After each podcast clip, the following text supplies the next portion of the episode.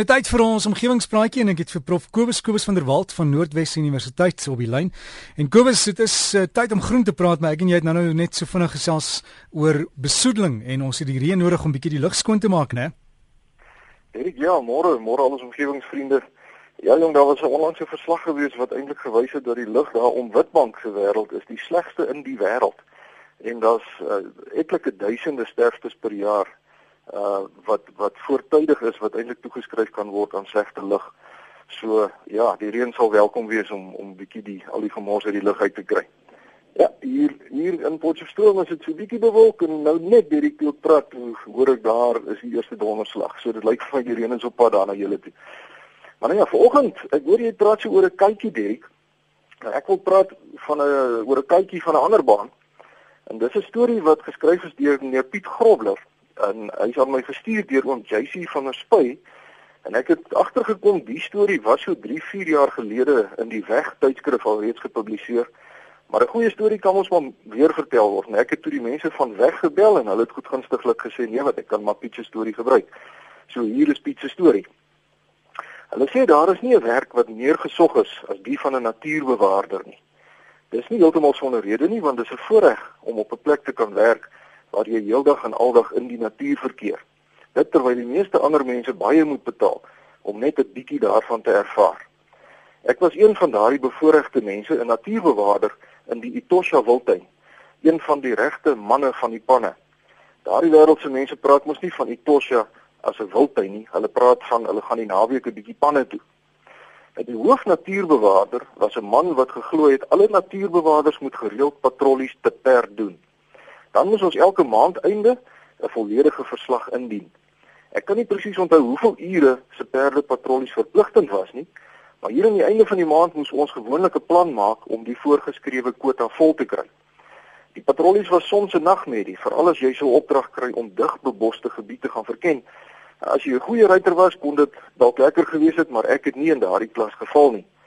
Maar daar was ook die lekker van patrollies, want ek en my perd swernoot wat van Poonse afkoms was, het mekaar goed verstaan. Wanneer ek hom op die vlakte steels gegee het, het Swernoot dit net soveel soos ek geniet. Omdat daar gewoonlik leeu's in die omgewing was, het die jagepisodes altyd in ooptes plaasgevind waar mens ver kon sien. Maar nou net nie dink ek was bang nie. Ek was mos een van die manne van die panne en ons het nie maklik geskrik nie. Ek was soos hulle sê net versigtig. So gebeur dit toe dat ek en 'n kollega besluit om 'n patrollie te doen om ons ure vol te maak. Nie een van ons was al te perd op die Etosha pan self nie en ons besluit toe om 'n bietjie dieper in die pan te gaan perdry. Ons het die voertuie met die perde se sleepwaens ver van die pad gelos op 'n punt iewers naby Wolfsnes vir die van julle wat nou daai wêreld ken. Daarvandaan is ons toe te perd die pan in. Dit was nogal 'n ekspedisie, maar baie veilig. As daar enige leeu's op die pan was, sou ons hulle op 'n goeie afstand kon sien. Hoewel die rit 'n onbeskryflike ervaring was, wil ek nie daaroor uitwy nie. Hierdie storie gaan oor dit wat met ons met die terugkeer gebeur het. En watter ervaring was dit nie? My kollega François het 'n perd gery wat kort tevore op Grootfontein gekoop is. Omdat die perd 'n lyf gehad het wat baie aan die van 'n renperd herinner het, is hy July gedoop. Toe ons uiteindelik uit die pan kom, het François gereken ons moet kyk wie's eerste terug by die bakkies. Die twee perde het ook geweet ons was op pad huis toe en hulle het nie op hulle laat wag nie. En aangesien dit oop vlakte was, het hulle op volle vaart reguit na die bakkies toe koers gekies. 'n Hele en vorentoe min of meer op ons pad was daar 'n groot boom, stoksiel alleen op die vlakte. En uit die aard van my belangstelling in bome, wou ek sommer so in die verbygaan kyk wat se soort boom dit is. Ons het die perde soontoe gestuur en July was iets wat vinniger as swernoot en ek het effens agter geraak. Maar skielik 'n entjie voor my het die lyfstaal van François en sy perd verander. Ek kon sien daar is ergens 'n groot skroef los. July het eers links gemik en toe regs en toe weer links en in 'n stadium het dit vir my gelyk of Frans was sommer so in die hardloop van die perd gaan afklim. En toe sien ek hulle, leeu's. Die hele Okukuyu trop van 24 leeu's het in die skadu van daardie boom gelê en slaap. Daar was nie tyd om te stop of uit te swaai nie. Ons was te naby. En Frans wou doen toe al wat daar was om te doen.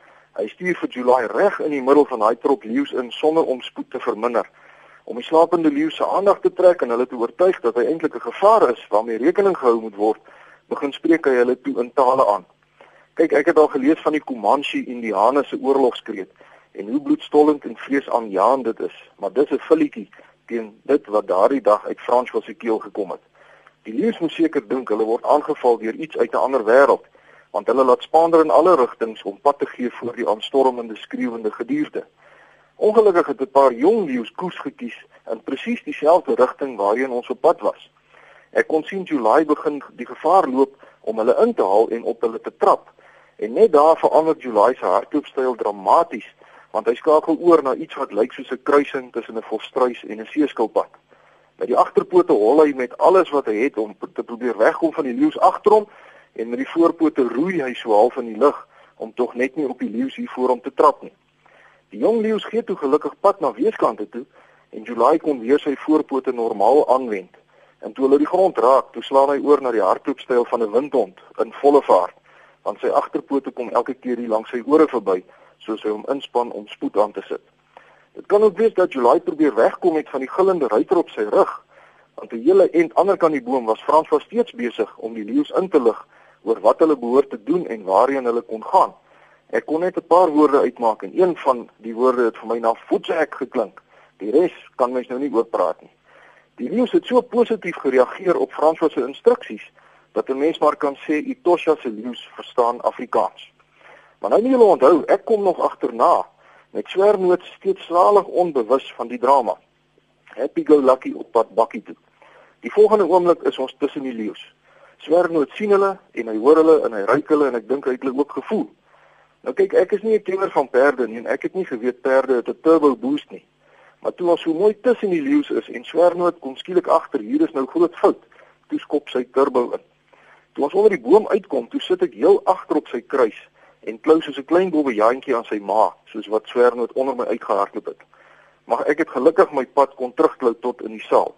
Kort daarna is ons verby François en July en gelukkig was die sleepwa se agterklap steeds laat sak. Die klap se grendel het gereeld losgeskit en ek het dit altyd met 'n tou vasgemaak sodat dit nie moes oopval nie. En gewoonlik het ons maar gesukkel om die perde in die sleepwa te kry. Maar die slag het Swernoot sommer self daar gaan skuilings soek en met die intrapslag vat hy die tou so in sy bek en trek daardie klap self agter hom toe. So groot het hy geskrik. Die kante van die sleepwa was van plank en aan die een kant was daar 'n gat waar 'n kwas uitgeval het. Toe ek die tou vasgemaak het, stap ek agtertoe om die grendel in te skuif en ek sien 'n beweging by die gat. En toe ek deur die gat kyk, kyk ek in Swernoot se oog vas. Hy was besig om met een oog uit te loer waar die leeu's was. François het eers 'n rukkie later daar opgedag. En ek kan onomwonde sê dat niemand nog ooit so vinnig beweeg het op 'n perd se rug soos ek op daardie dag nie. Ek het later die saal met water en seep gewas, maar dit was terpentyn wat uiteindelik die reuk verwyder het. Perde se sweet ry heeltemal anders as hulle geskrik het. En eers veel later het dit my bygeval dat ek toe nooit gekyk het watter soort boom daardie was nie. Nou ja, Derek, tot hier Piet Grobler se mooi storie. En waarom ek die storie vanoggend vertel het, Derek, is die WP het miskien nou wel verlede Saterdag die Curriebeeker gewen. Maar dis net 'n leeu wat 'n perd so groot kan laat skrik dat sy sweet heeltemal anders ruik. En daarmee sluit ek af vir oggend. Skryf gerus vir my by kobus.vanderwalt by nwu.ac.za of by die fakulteit Natuurwetenskappe Noordwes Universiteit Potchefstroom 2520. Vriendelike groete tot 'n volgende keer. Dankie Kobus en jy het nou nog gepraat van die donder weer het dit al begin reën nou daar. Nee nee nee nee nee dit reën nog nie maar die wolkies uh Ja, dink is nog nie regte dowwer wolke nie, maar hulle is so lekker swanger, jy weet, en ek was nou buite gewees, is heerlik koel cool, en ek dink ons gaan lekker reën kry uh, met die klomp vogtige tropiese lug wat van die noorde af op pad is. So gesels ons dan met Kobus van der Walt as jy vir Kobus wil skryf vir kobus.vanderwalt by nwu.ac.za. Kobus.vanderwalt by nwu.ac.za.